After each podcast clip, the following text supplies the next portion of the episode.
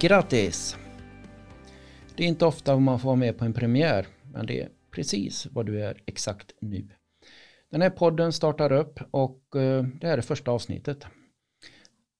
Kanske ingen stor grej i sig, men eh, för oss är det faktiskt det. det vi har diskuterat en stund och eh, kommit fram till att det är så här vi känner att vi vill nå ut med vårt budskap. Syftet är att diskutera samhällsutmaningar på ett ärligt och öppet sätt. Kommer i varje avsnitt av den här podden ta upp olika ämnen och eh, resonera om den. Som ni ser så heter podden Typiskt liberalt. Och det är det som ska vara den röda tråden som vi kommer att hålla oss kring. Vi kommer att eh, resonera runt olika samhällsutmaningar och eh, sånt som kan vara dagsaktuellt för övrigt. Och se då, vi som ska resonera, vi ska ha en liberal anknytning och en liberal touch. Så att det är väl det som är det. Sen eh, ska vi se vad just de liberala lösningarna kommer att vara. Jag som pratar nu och inleder heter Per Jonsson. Jag är gruppledare för Liberalerna i Lidköping. Det betyder att jag eh, är politiskt ansvarig för oss i Lidköping genom Liberalerna. Jag har en, sedan en del år tillbaka olika politiska uppdrag för just Liberalerna.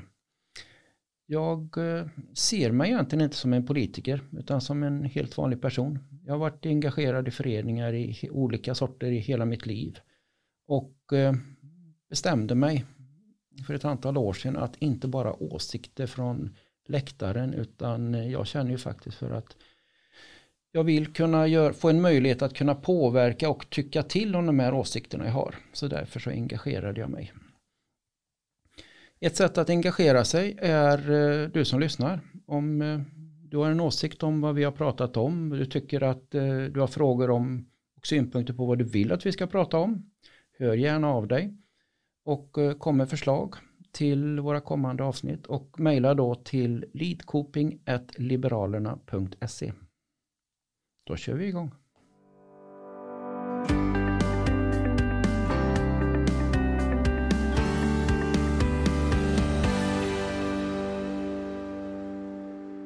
I vårt första avsnitt har vi med oss eh, Roger Haddad. Roger är eh, riksdagspolitiker och en mycket erfaren skolpolitisk talesperson för Liberalerna. Tänkte att vi i det här avsnittet skulle kunna höra och resonera ihop med Roger om olika övergripande frågeställningar om skolan. Varför vi som liberaler konstant tar upp det här ämnet och eh, få lite bakgrund till det och lite grann på djupet.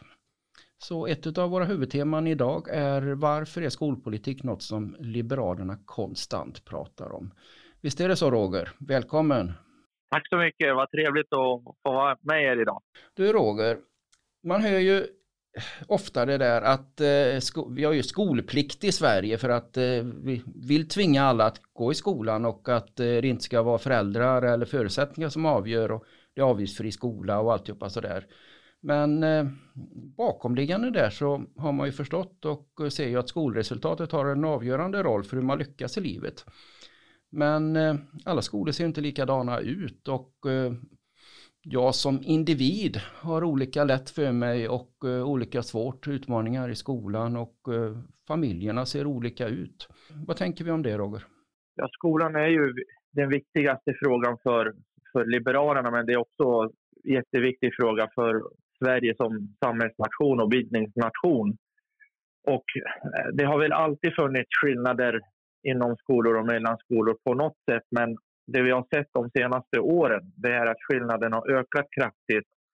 Och man kan inte längre prata om att vi har en likvärdig skola. Men in på 90-talet hade vi en, det man kallar för likvärdig skola. Att resultaten såg hyggliga ut. Vi hade hög andel behöriga lärare skolresultaten var, var så att säga, tillfredsställande generellt sett.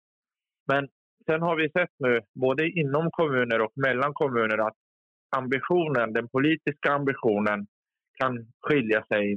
Vi har kommuner med socioekonomiskt utsatta områden där det finns stora problem med ordningsstörningar, man har problem med rektor, rektorsflykt men också att lärare byter skolor och byter bort skolor från de här områdena till eh, andra skolor.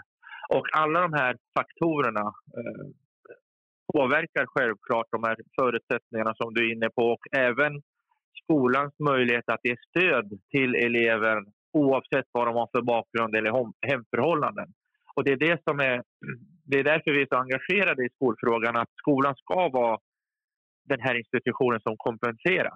Mm. Jag märkte ju själv det, det var ju en av, ja eller den avgörande som gjorde att jag själv engagerade mig politiskt efter att eh, varit engagerad som förälder i föräldraföreningen i skolorna så kom jag på det att jag kan ju faktiskt engagera mig även politiskt med just skolfrågorna som, eh, som grund och det var ju precis det som du nämner att man märker hur vilken skillnad det är och eh, olika förutsättningar och att eh, som förälder så kan man ju då bli rätt så frustrerad när man märker att eh, ja, ens barn har eh, kanske inte de, ja, även om de kämpar och sliter så finns eh, skolan inte där med de resurserna som man skulle kanske behöva men man ser att de finns på andra håll.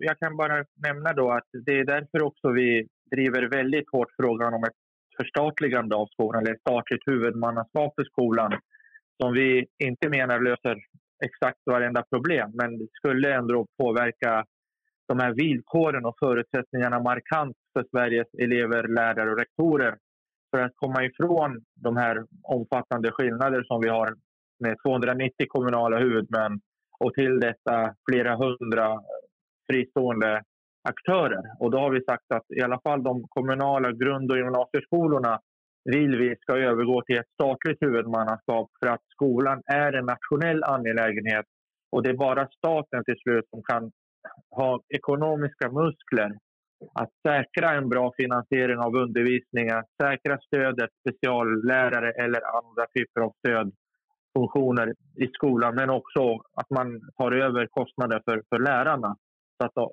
man också kan fortbilda och utveckla och kompetenshöja lärarkåren. Och det har vi också sett har varit eftersatt runt om i landet vilket gör att läraryrkets status eh, har sjunkit under många år. Och det där det kan ni höra själva och se framför er när det är 290 olika kommuner som där några höjer lönerna, några gör inte det, några satsar på lärarnas fortbildning, några gör inte det, några satsar på särskilt stöd för elever, andra gör inte det.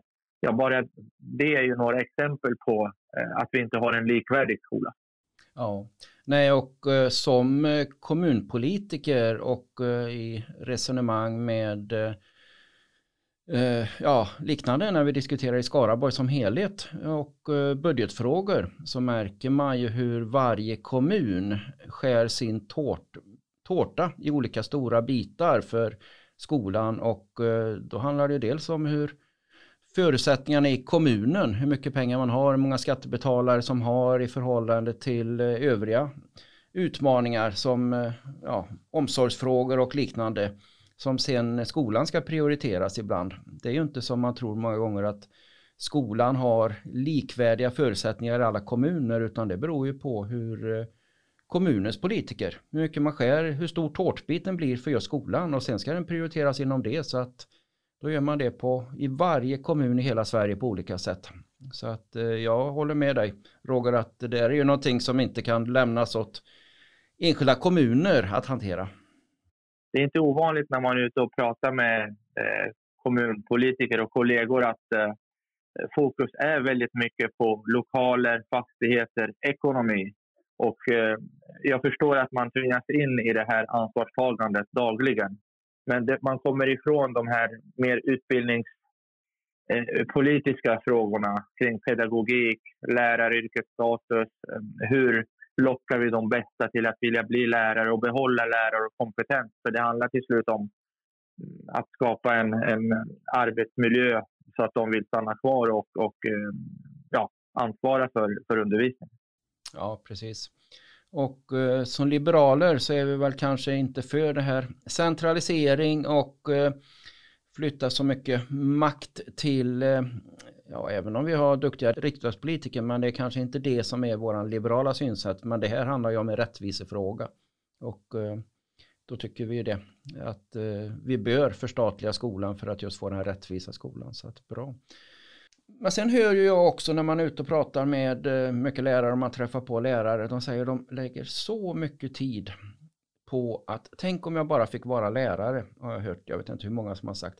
Istället så håller man på med den här uppfostransrollen, konflikthantering, det är stök. Vad ska vi göra för att stärka lärarens roll så att de får fokusera på det som gjorde att de just valde att bli lärare och det som man har sin kompetens inom, den är pedagogiska, att eh, vilja lära ut till eh, våra barn och unga.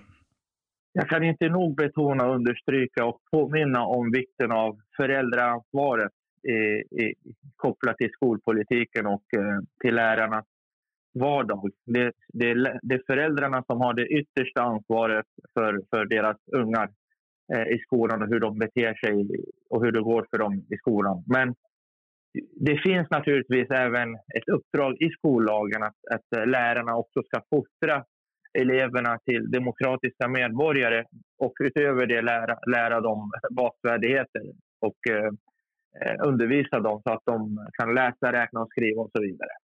Men här ser vi eh, att, att eh, det finns omfattande brister i studiero eh, som bekräftades så sent som för en månad sedan i en rapport från Skolinspektionen att det finns omfattande brister i studier och ordningsstörningar i klassrummet eller på skolan som gör att det stjäl energi från det som lärarna är utbildade för, nämligen att undervisa våra elever. Och det här har vi sett skapar stora problem, inte minst på de här skolorna som jag nämnde tidigare i socioekonomiskt eh, tyngre områden där de till slut ser att många av mina kollegor är obehöriga. Eh, det är rektorer som slutar. Vi får lägga för mycket fokus på frågan att upprätthålla ordning och reda och trygghet. Och till slut så ger man upp och söker sig bort från de här skolorna vilket eh, försätter de här eleverna som är kvar i en väldigt ond cirkel skulle jag vilja påstå för att de hamnar i en omöjlig situation. Istället för att få, eh, eh få de bästa erfarna lärarna till den skolan så, så förlorar man dem istället. Och det handlar om det här med arbetsmiljö, klimatet, om det finns arbetsglädje. om man på den här skolan fokuserar på lärarnas uppdrag och kunskapsuppdraget. Så att det är oerhört viktigt att vi som skolpolitiker hela tiden pratar och betonar och påminner om att skolans huvuduppdrag är kunskapsuppdraget. Mm. Roger, just det där är ju som du sa, det står ju inskrivet i skollagen att det ligger en eh, uppfostransdel också. Ser vi som liberaler skillnad på just storleken på det uppdraget jämfört med andra partier? Ideologisk skillnad eller liknande på hur man ser skolans roll när det gäller även en uppfostrans roll? I alla fall de senaste åren har inte jag hört så många politiker prata om, om eh, just uppfostrans, skolans uppfostringsansvar. Däremot just lärarnas eh, status och eh, respekten för eh, lärarna där har vi haft fokus och inte minst det här att både föräldrar, elever och, och många externa så att säga, ifrågasätter allt mer lärarna som gör att de blir osäkra i sitt uppdrag eh, och eh, som inte till exempel ingriper mot stök om, om man ser det framför sig. Det är inte så att alla inte gör det, men sex av tio elever har ju själva uppgett till Lärarförbundets eh, enkät som man gjorde förra året att man avstår från att ingripa mot ordningsstörningar i klassrummet av rädsla för att eh, bli anmälda till Skolinspektionen. Och, eh, så att, eh, men de vuxna generellt och läraren i klassrummet som ska bestämma menar vi eh, har ju i, i, i, sin så att säga, uppfostringsdel att också upprätthålla ordningen i klassrummet för att kunna bedriva en undervisning. Och här har väl vi varit mer på tårna och drivit de här frågorna, absolut, mer än andra partier i den meningen att vi vill förtydliga lärarnas befogenheter och vi vill stärka deras roll och auktoritet i, i skolan. Mm. Och det kan man säga, ja, du använder ordet vi och eh, det är sant Roger, du är ju liberal och eh, företrädare för oss i Liberalerna, men det är ju framförallt du och eh, jag tror inte bara i din roll utan ditt engagemang som eh, person och alltihopa som har lagt mycket tid på det där. Du var ju bland annat eh, hos eh, mig och oss här i Lidköping och vill uppdatera dig om det här fallet där faktiskt en lärare ingrep på ett sätt där han tyckte att det var stökigt och eh, en elev hindrade undervisningen och eh, läraren blev ju anmäld och eh, det här är ju varit i riksmedia och du Roger har ju lagt jättemycket tid på att uppdatera dig om hur det gick till, vad som hände och eh, vilka konsekvenser det skulle bli om domstolen inte skulle gå på lärarens linje att han faktiskt gjorde rätt. All, all beröm till det Roger och eh, ja, det var ju inte bara läraren som fick känslan efteråt att äntligen var det lyssnade på mig och eh, jag skulle inte kunna gjort på annat sätt men eh, det är ju fantastiskt bra. Och det, det, är ju det som du precis pratar om där Roger, att det, det, är så viktigt att lärarna får en möjlighet också. Absolut, och vi, vi vill betona självklart att om man blir mobbad så måste man alltid kunna få stöd och hjälp i, i kommunen. Man måste alltid kunna kontakta skolan eller ansvariga skolpolitiker så att de agerar mot mobbning. Om det är en lärare som har betett sig olämpligt så har vi en lärarnas ansvarsnämnd som kan pröva så att säga, frågan om, om, eh, om jag ska få behålla min lärarlegitimation eller inte. Men sen har vi de här, eh, ja, och har man begått brott för övrigt, så, ja, då har vi ju rättsväsendet och polisen som man ska anmäla till eh, om, om man upplever det så pass allvarligt. Men de här, att elever känner sig kränkta eh, innebär ju inte egentligen att de har blivit kränkta. Utan eh, där, även där menar vi att skollagen måste förtydligas så att man i, i sådana situationer från skolmyndigheterna ska göra en hel, helhetsbedömning och inte bara så att utgå från vad eleven har sagt och så driver man det som ombud för eleven i, i domstol och kräver skadestånd mot de här enskilda lärarna. Jag tycker att det är fel ordning. Ja, precis. Och eh, just det där du nämnde att man har upplevt att man har blivit kränkt. Den är ju utifrån min egen situation, min egen känsla och eh, jag vet ju också där eh, lärare som faktiskt säger att eh, de kanske är de första i den här ungdomens eh, liv som har sagt nej till saker och ting när man säger att jag vill göra det, jag vill ha det och eh, liknande också. Får lärarna ta den här, nej men det, vi kan inte göra det nu och vi kan inte det här och nu måste vi fokusera på undervisningen och du får ja, lägga ifrån dig telefonen eller något liknande. Och eleven då känner att den blir oerhört kränkt och vill anmäla det. Medan läraren inte tycker att det är att kränka utan att det faktiskt är att eh, eleven behöver vara med och inte störa de andra. Det, men då kan man ju känna det olika. Mm. Ja, det här är ett resultat ändå av den utveckling vi har sett senaste åren i svensk skola där vi har en anmälningskultur och en kränkthetskultur eh, som vi menar från Liberalerna. Det är det vi vill komma ifrån. Att man ska inte kunna anmäla direkt till Skolinspektionen eh, utan i första hand måste man vända sig till huvudmannen. Det är ett krav från oss. Men vi vill också ändra skollagen och vi vill att den här funktionen, då barn och elevombudet vid Skolinspektionen, ska avvecklas eftersom vi menar att de har eh, de senaste åren ägnat sig mer åt en aktivistisk Eh, politik eh, i den meningen att de driver ärenden mot just eh, vuxna i skolan och lärare i skolan som har försökt upprätthålla ordningen.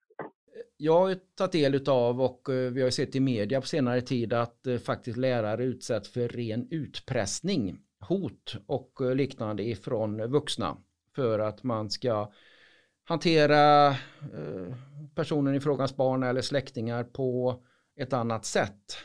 Det är ju en skrämmande utveckling. Då är det inte bara den här utsattheten en lärare har i klassrummet utan man får ju även en, ut, ja, en i vardagen blir man utsatt för hot också. Vad, vad, tycker du om detta?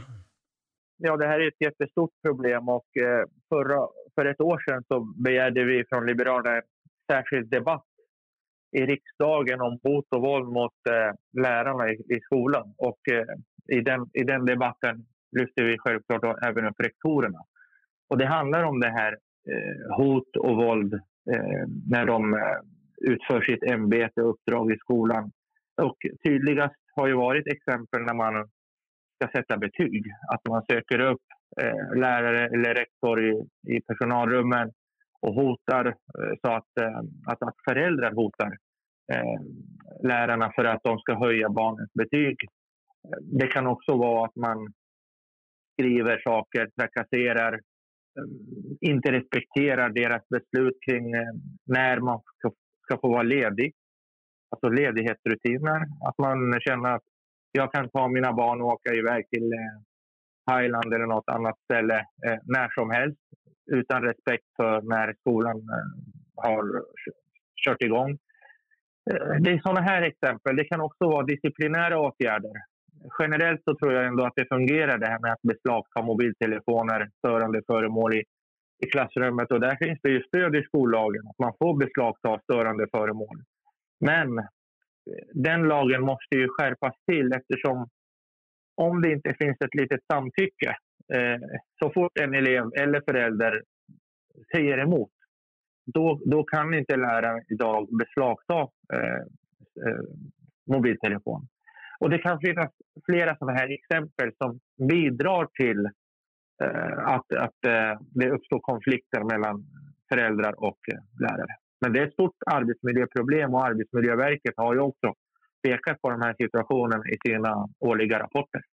Mm.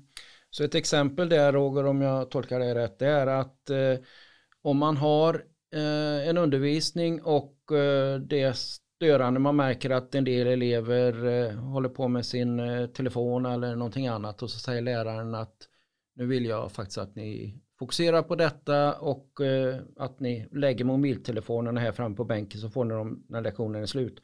Om det är någon elev som säger nej, det vill inte jag, då har läraren inte möjlighet att eh, ingripa mot det, utan då tänker den eleven fortsatt hålla på med det under lektionstid. Det är korrekt. Man kan inte tvinga en elev eh, idag enligt skollagen att lämna ifrån sig eh, en mobiltelefon. Och eh, vi tycker att det här är en, det är, så att säga, en lucka i skollagen som behöver täppas till. Och det är på gång eh, ett förslag som vi har förhandlat med regeringen om mobilfria klassrum där man skärper den regeln i skollagen. Men vi tittar också brett generellt på, på eh, flera åtgärder kring eh, studiero och trygghet. Bland annat har vi fått in eh, just eh, utredningsuppdraget att titta på hur kan man förtydliga lärarnas befogenheter i skollagen. Det är kapitel 5. Eh, däremot har man inte hörsammat ännu mitt krav om att även titta på kapitel 6 som handlar om personalkränkningar för att komma åt den här kränkhetskulturen som jag menar fortfarande finns i skolan. Mm.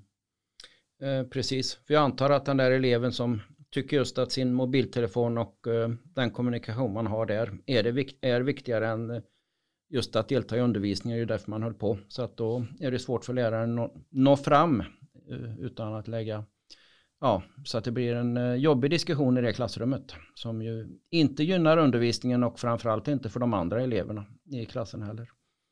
Exakt, och här Per pekade på en mycket viktig punkt som ibland kommer bort i debatten, nämligen hur drabbas de alla andra skötsamma eleverna? Fokus brukar oftast vara på den som stökar eller den som eh, inte vill lämna ifrån sig en, ja, en, en mobiltelefon. Men studiero och trygghet är ju helt avgörande för att det ska vara en fungerande miljö i klassrummet och att man kan ägna sig åt undervisningen. Och det, det drabbar alla elever eh, i klassen.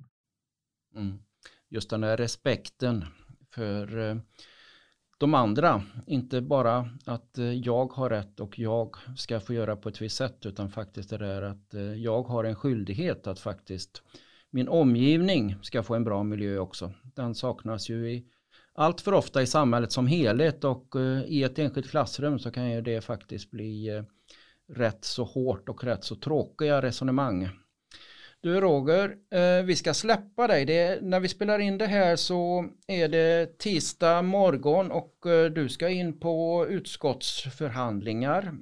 Nu har vi ju coronatider så att eh, jag antar att ni är rädda om varandra på, på det sättet och inte ses men eh, att ni i alla fall kopplar upp er och har eh, diskussion om eh, ja, utskottsfrågor gällande skolpolitik. Men vad är det som är på ditt skrivbord idag? Vad är det som är viktigast överhuvudtaget som du jobbar med för närvarande?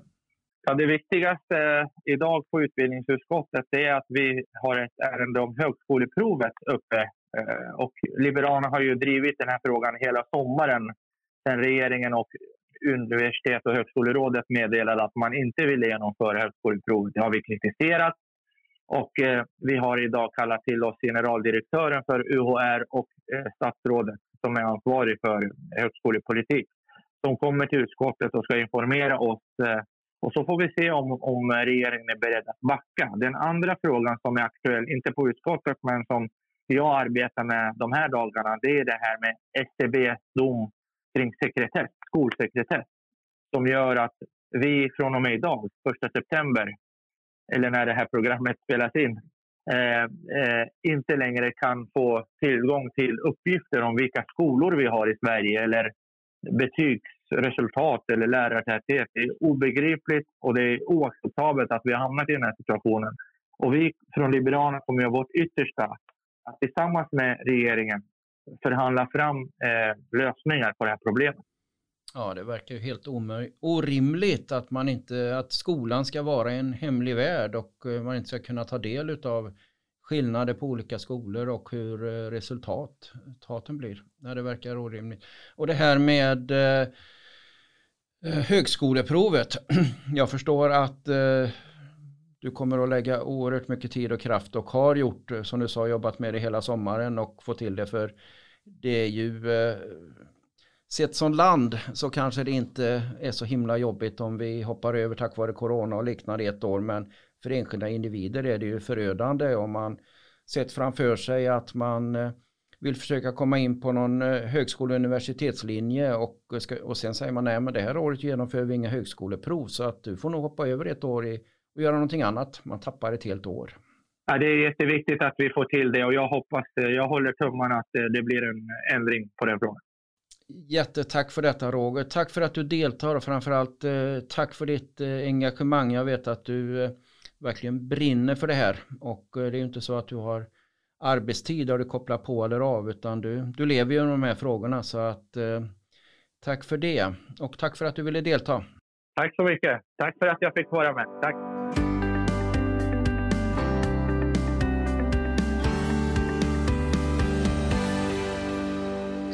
Så, eh, välkommen Johan. Johan Arelid, vår ordförande för Liberalerna i Lidköping. Tack så mycket Per, kul att få vara här. Detsamma, jätteroligt och eh, premiär och eh, jag har hört många som säger att eh, ni politiker borde ju även testa det här formatet med podd. Vi har ju kört eh, Youtube och vi har ju givetvis Facebook och Instagram och allt det där andra. Så att eh, det här forumet känns eh, än så länge väldigt bra. Det ska bli spännande att se vad eh, lyssnare kommer att tycka sen också. Så att eh, roligt att eh, du också är med i vårt första avsnitt. Ja men absolut, det är ju självklart att eh, man vill prova och testa nya sätt och vägar att nå, nå människor som man mm. de facto är politiker för. så att det det känns givet tycker jag. Och nya, nya saker har jag alltid gillat. Precis och uh, på tal om det så det vi är till för. Det var ju inte länge sedan som du valde att just engagera dig eh, politiskt och valde Liberalerna.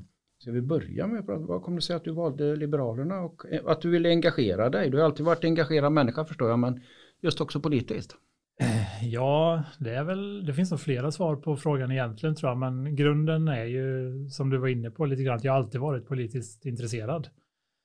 Eh, intresserad och inte kanske då engagerad. Eh, och tycker och tänker eh, ganska mycket saker och försöker följa, har följt med i samhällsdebatten i många år, liksom. men eh, aldrig riktigt som många gissar jag, aldrig riktigt tagit mig tiden att faktiskt engagera mig. Och kände väl någonstans att nej, nu, nu är det läge. Eh, nu, är det, nu är det dags för att faktiskt göra någonting. Och sen ska jag inte sticka under stol med heller att jag fick ju frågan av en eh, ja, numera då, partikamrat om jag skulle vara intresserad att engagera mig i Liberalerna. Och eh, Liberalerna är ett av de partierna som jag genom åren har känt att där skulle det kunna vara möjligt för mig att engagera mig. Eh, kan väl vara så pass ärlig och säga att det kanske inte var det enda förr. men eh, just nu känns det, ja men det är helt rätt. Jag valde helt rätt känns det som. Det är, eh, det är mycket, mycket roligare än vad jag trodde. Om man ska vara helt uppriktig. Och det ska man ju vara. Jo men det, det är jättebra och eh, det är väl så när man frågar oss som är medlemmar vad det kommer sig att eh, man blir medlem så är det just att någon har frågat. Men så är det väl i mycket föreningsverksamhet. Absolut. Man går och tittar och man funderar men eh, tar det här steget. Så att eh, jätteroligt. Ja och det, det, är fantastiskt bra att ha dig med för att du är verkligen engagerad på möten och driver och Bra, för det jag saknar i politik, i det politiska arbetet, det är att jag tycker att allting tar så lång tid. Vad tycker du om det? Jag, jag känner liksom väldigt mycket frågor som när man eh, är med, man tycker att vi borde ändra på någonting och sedan så kan det ta ett halvår, ett år eller längre innan det verkligen blir verkstad utav det. Det upplever jag som det jobbigaste med politiken. Ja, det kan väl till viss del hålla med om. Eller det var ju definitivt en farhåga jag hade innan man engagerade sig. Och det är klart att på många avseenden så ser man det nu med, att det tar tid. Alltså den kommunala eh, politikens hjul, eller vad man ska kalla det, det, det maler långsamt ibland.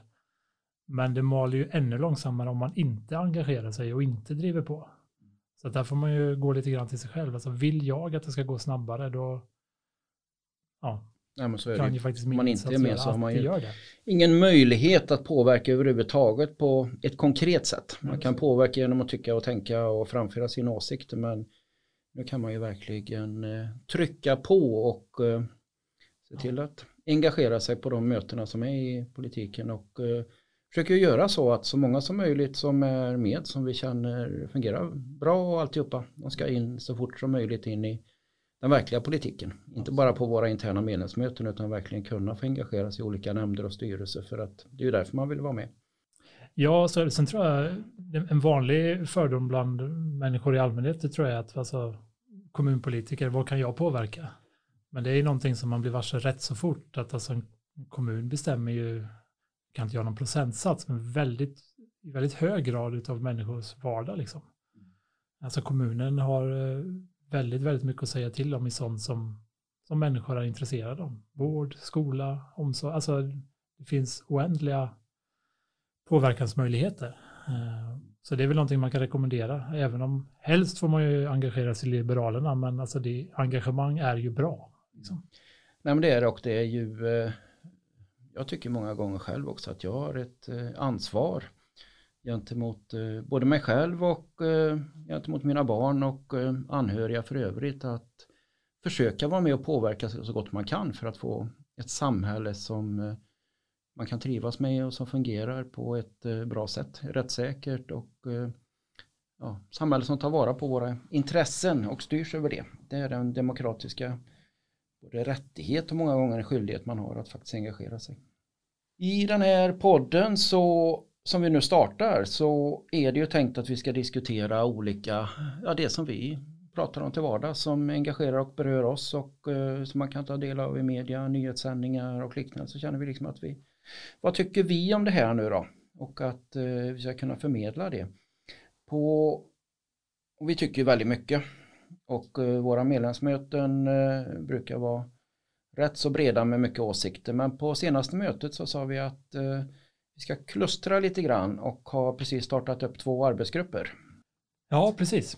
Precis som du var inne på, man märker ju ganska fort på medlemsmöten att de människor som är där är väldigt engagerade och diskussionerna går alltså väldigt ofta åt olika håll. Så att man, vi, vi kände väl att vi behövde någonting som, som verkligen håller samman de frågorna som, som är aktuella för oss just nu. Eh, och, och, då kanske vi är en för stor grupp för att sitta och, och diskutera det allt för mycket. Eh, utan då valde vi att försöka smalna av det till lite arbetsgrupper, eller ja, liknande arbetsgrupper, för att sen såklart gå tillbaka till våra medlemsmöten och, och presentera och liksom är det här någonting vi kan jobba vidare på jag tror att det är ett, det är ett rätt så vanligt sätt att jobba överhuvudtaget. mm. och jag tror att det kan passa oss också för att bli lite skarpare, lite spetsigare i våra, både i våra åsikter och i våra, på, i våra förslag till lösning. För det är också viktigt att man har en idé om hur man vill istället då. Annars så blir man ju bara en sån här soffliggare.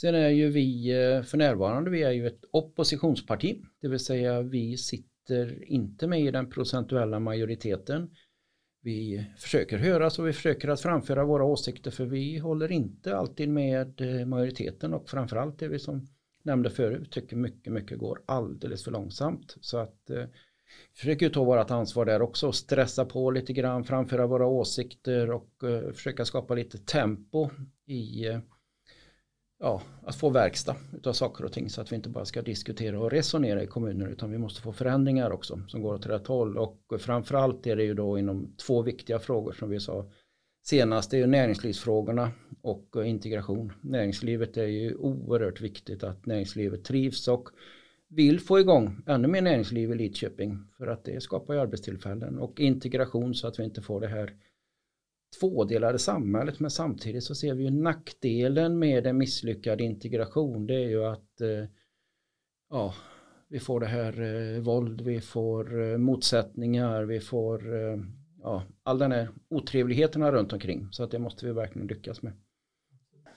Jag tänker, det är mycket prat om, om integration eh, höger och vänster och, och hit och dit och det är ju en jätteviktig fråga men jag skulle kunna tänka mig att man ibland även breddar det begreppet och pratar liksom utanförskap. Eh, det är faktiskt inte bara flyktingar eller andra som har kommit till Sverige som lever i ett utanförskap. Det är rätt så många born and raised i, i Sverige som också gör det. Eh, det och ganska ofta går de hand i hand. Mm. De bor på samma ställe till exempel.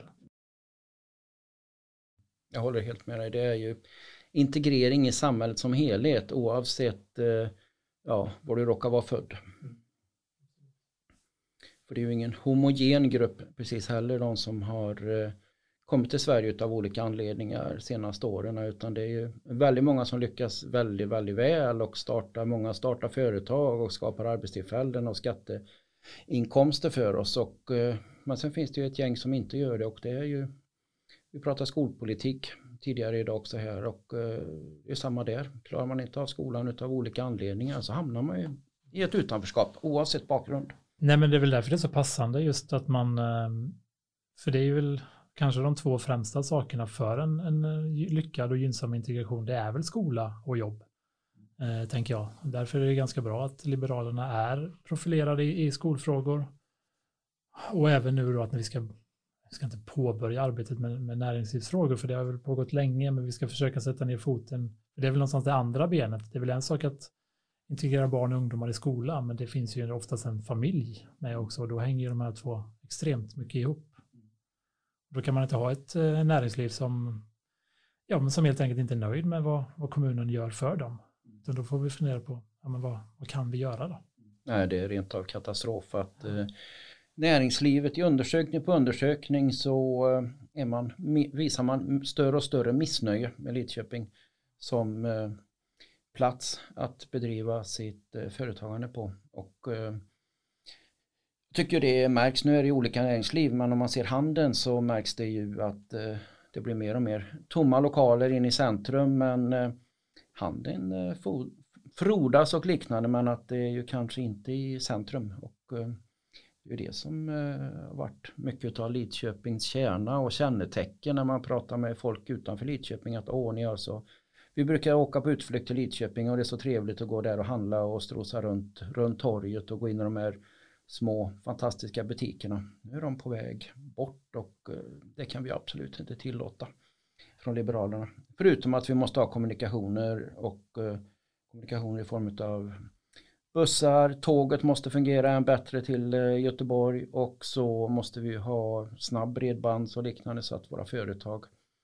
kan få tag i arbetskapacitet och du kan bo här och jobba på annan plats också. Jag tror det är nödvändigt för framtiden också, för det, annars så blir man som, som dessvärre de många andra städer, kanske att de är något mindre än Lidköping, men alltså stadskärnan dör ju ut liksom. Och det går nog fortfarande fixa till i Lidköping, det tror jag, men vi kan inte sitta i båten hur länge som helst. Man måste se till, alltså för stadskärnans skull så måste man se till att underlätta för de handlare som finns. Uh, och, och Exakt hur, ja, det är det den här arbetsgruppen ska försöka jobba fram. Ja, och sen är det ju viktigt att inte bara följa John och säga att ja, men det här händer överallt. Ja, men eh, varför måste det då hända även i Lidköping? Kan vi inte se varandra har gjort eh, sina misstag genom att eh, tömma centrum och eh, försöka fatta beslut som går stick i stäv med det och istället inte följa John. Det är eh, det är väl det som jag tycker är viktigast som politik, att faktiskt bredda begreppen många gånger och faktiskt titta på våran omvärld och inte följa John i mer än om det inte är så att det är frågor som vi tycker går åt rätt håll. Så måste vi vara modiga att våga säga nej till eh, sånt som går åt fel håll också. Kultur och fritid är ju, eh, ja, du har ju varit engagerad föreningsmässigt och gillar detta och liknande så att eh, det var ju roligt att vi faktiskt kunde göra så att det fanns en post där i kultur och fritid när du började och ville vara politiskt engagerad. Hur, hur tycker du det har varit just med möten? Hur, ett, hur känns ett sånt möte i förhållande till andra möten du har varit på? Mm. Eh, jag tycker det har varit, det sa jag nog inledningsvis, men jag tycker det har varit betydligt roligare än vad jag faktiskt trodde. Eh, det är ju en väldig bredd på, på frågorna. Det är, eh, det är väldigt högt och lågt, så mycket kan man säga. Mm. Och framförallt så tycker jag det är ganska det är en ganska bra kontrast mot mitt övriga liv att det är liksom inte så mycket lagstyrt utan det är ganska mycket jag tycker jag vill eh, inte alls lika mycket än jag måste. Eh, så det, det öppnar ju upp för ganska bra och roliga diskussioner. Både med politiker som håller med en och politiker som inte håller med en. Mm. Eh, och jag tycker att våra möten och sammanträden är eh, faktiskt väldigt, väldigt bra. Vi är absolut inte överens om, om allting, men vi håller ändå på en, på en nivå som jag tycker, nej men så här måste det ju vara, vi kan inte bara sitta som, det är ju trots allt, vi är ju valda eh, för att framföra någons åsikt, då måste vi göra det, kan man inte bara sitta och hålla med. Nej, jag tycker det är jättebra och det, nu avbryter jag det, men jag skulle slänga in precis det som ett bevis på det tycker jag ju att du är modig och vågar faktiskt eh, lyfta in egna åsikter och tänkande och eh, det var ju tack vare det som vi fick igång våran eh, Framnäsbad i sommar. Du var ju en av dem som faktiskt tyckte att nu borde vi tänka om och nu borde vi tänka nytt och är det inte faktiskt dags att öppna detta? Och stod på det på ett möte och eh, ja, två dagar senare så stod det i tidningen att nu är vi beredda att öppna upp Framnäsbadet eh, liknande och det är många som har fått nytta av det sen i sommar. Så att eh, det är ett bevis på att du faktiskt eh, vågar inte bara tycka utan även våga framföra och stå för din åsikt. Det är jättebra. Ja, nej, det var ju, det var ju jätteroligt eh, måste jag säga. För det, är ju, det var ju någonting som vi hade, eller jag lyfte upp även på vårt nämndsmöte innan och då blev nedröstad, som man ibland blir. Mm. men höll i den åsikten och sen så, så kom det ett ganska bra tillfälle och hålla i den ännu mer. Så att säga. Mm. Och jag, jag tycker på riktigt eh, samma sak idag som jag sa då. Så att, eh. Och det är väl det som är just skillnaden med att stå utanför politiken och ha ett tyckande och tänkande och tänka att varför och jag läser att de öppnar där och där och varför gör vi inte det här och nu är det en sakpolitisk fråga så att den har ju egentligen inte vilken politisk tillhörighet och det är inte ett liberalt, ja det kan man nog kanske koppla in det i och för sig när jag tänker efter att det är just det där att var och en måste ta ett eget ansvar också. Eh, kommun ska inte gå in och styra och ställa och tycka att ja, nu tar vi beskyddarrollen över allihop utan man måste faktiskt fördela ut ansvaret på var och en också. Att nu gör vi så att vi öppnar badet men då får ni ta ansvar. Och eh, ni som personal som jobbar på badet, ni får hjälpa till och hitta på lösningar som gör att man klarar mot smittspridning. Och det löste man ju fantastiskt bra. Ja, absolut. Jag har inte hört att det var några problem överhuvudtaget. Och precis det du beskriver, det var ju en av mina ingångar. Alltså man måste ju tro på att människor kan, kan sköta uppmaningar. Eh, alltså annars är man ju illa ute. Vad, vad är nästa steg då? Liksom? Det, sen är det väl såklart så hade man inte, inte skött det, nej, då hade man fått åtgärda det då. Så att säga. Men man kan ju inte ha grundinställningen av att det här klarar inte människor av. Det tycker jag är eh, fel ingång. Nej, med ansvar växer många. Absolut. Uh, vi har kompetent personal så att de fick ju uppgiften och tyckte ju den verkar bra också. Ja, de gjorde ett kanonjobb. Ett bra exempel på att eh, faktiskt blev skillnad när du engagerade dig politiskt jämfört annars hade du fått tycka och tänka utanför. Prata med vänner istället för att ja, få göra verkstad av det. Nej, men det är ju sånt som gör, alltså det gör ju det värt det på något sätt. Eh, det låter det som att det är en jätteuppoffring att engagera sig, det kanske det inte är, men det är klart att det tar ju ändå tid, så är det ju. Men när man väl eh, liksom får igenom saker man tror på så, så är det ju otroligt skönt. Mm, så är det. Eh, så bra. Vad eh, finns det mer på agendan nu som eh, du tänker på i det närmaste politiska arbetet? Ni har ju fortfarande nämnden men sen har vi även då Liberalerna där du är ordförande för Lidköping. Hur? Mm. Men jag tänker väl att eh, alltså nämndsarbetet kommer nog fortlöpa och det är ju det är ju fullt, det är fullt ställ nu som mm. gäller.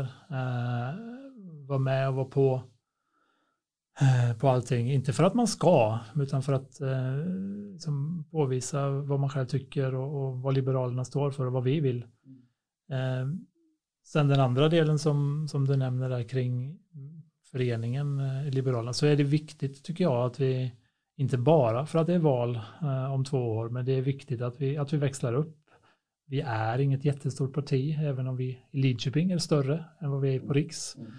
Eh, så är det viktigt att vi växlar upp där med och ser till att våra medlemmar får, alltså, också engagera våra medlemmar, för det finns mycket kunnande, mycket eh, synpunkter och driv, men också försöka hjälpa dem att hitta en arena där man kan, där man kan engagera sig ännu mer än vad man gör idag. Ehm, för det är som sagt man, man växer med det, tror jag. Det är det absolut och eh, som gruppledare då och eh, ja, som helt enkelt den som driver politiken i eh, kommunfullmäktige och eh, stöd och hjälp till eh, övriga övriga nämnder och liknande så har vi haft precis den här diskussionen att eh, vi måste hjälpa och stötta varandra att våga och även förmå att trycka ut våra budskap ordentligt för att eh, finns så oerhört mycket kompetens och mycket tänkande och engagemang så att nu ska vi se till så att det kommer ut också. Och den här podden är en del av det. Så vi kommer ju att följa upp många ämnen framgenom här. Ja, men vad, vad ser du som största utmaningen i, i du som är gruppledare som du sa, vad ser du som den största utmaningen framåt? Om vi tänker innan valet, två kommande åren.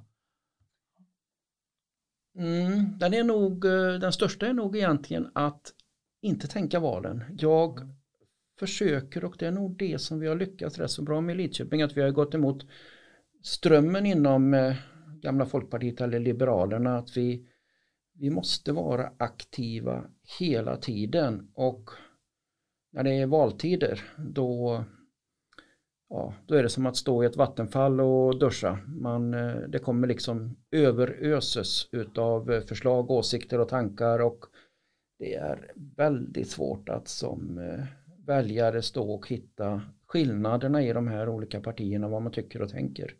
Det är väl eh, en del frågor ibland som brukar lyftas upp inom eh, varje val, både på kommun och region och på riks, men ofta så tänker man nog att alla partier tycker nog egentligen likadant. Det spelar ingen roll vad jag väljer, men för oss liberaler så, och i Lidköping framförallt så försöker jag pusha på och elda att vi ska, vi ska driva politik under ja, tio år varje tioårsperiod.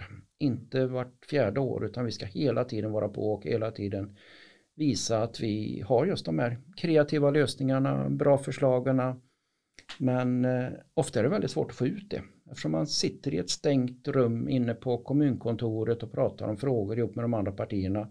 Och sen så blir det en lösning och då är det ju majoritetens lösning eftersom de har flest röster. Och så är det det som syns och märks. Så att, eh, eh sen kan vi ha varit jätteaktiva och är det många gånger med att tycka och tänka och vi skruvar på det här som då blir det, det slutgiltiga förslaget men det syns kanske inte att det är vi som har varit det här de engagerade och kreativa. Nej, och det är klart, då måste man hitta sätt, andra sätt att faktiskt få ut det då.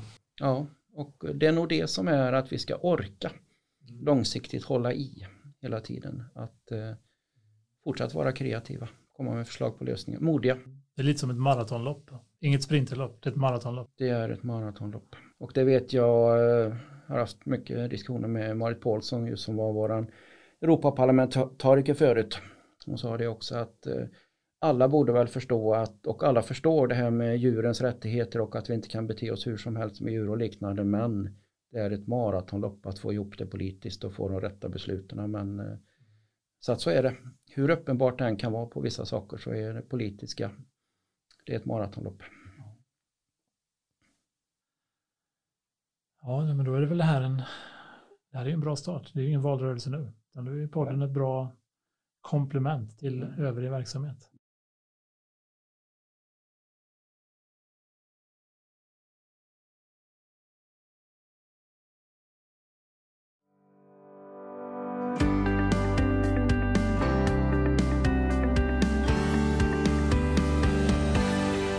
Vad bra Johan, jag tycker att eh, så här i början så känner vi oss ju fram men att eh, jag hoppas och tror faktiskt att vi kommer att eh, komma in på djupet i en del av de ämnen som eh, är vardagsfrågor hemma som man diskuterar både på i hemmet, på arbetsplatsen och ja, fredag, lördagkvällar när man träffar bekanta. Och det är det vi hoppas att vi kan framföra våra synpunkter precis på samma sätt och ehm, ja, allting finns inte lösningar på men vi ska i alla fall eh, diskutera runt problemen och eh, hur det kunna föra ett vettigt resonemang.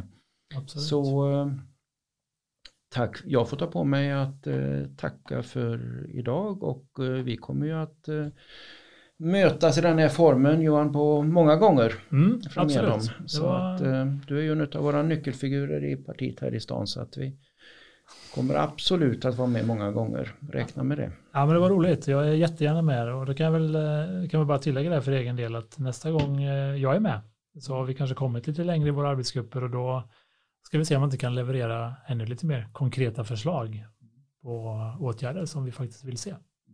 Så det ska bli det ska bli superkul. Mm. Tack så mycket för att vi fick komma idag. Mm. Tack själv. Tack själv. Jätteroligt.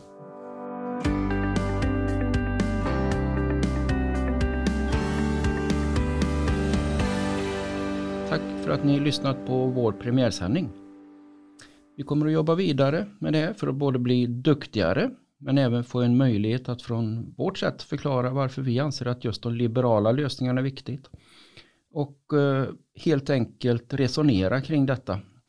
Ibland så är det ju faktiskt så att det är inte en liberalt just lösning utan det är våra medlemmar i Liberalerna som har en åsikt och eh, det som kopplar ihop lösningarna är väl just att eh, det är liberaler då som har de här förslagen till lösning som vi kommer att resonera om och även eh, vad man tycker är viktigt som samhällsutmaningar. Och det är just det som är kopplingen till podden, typiskt liberalt. Välkomna att lyssna på oss även i framtiden.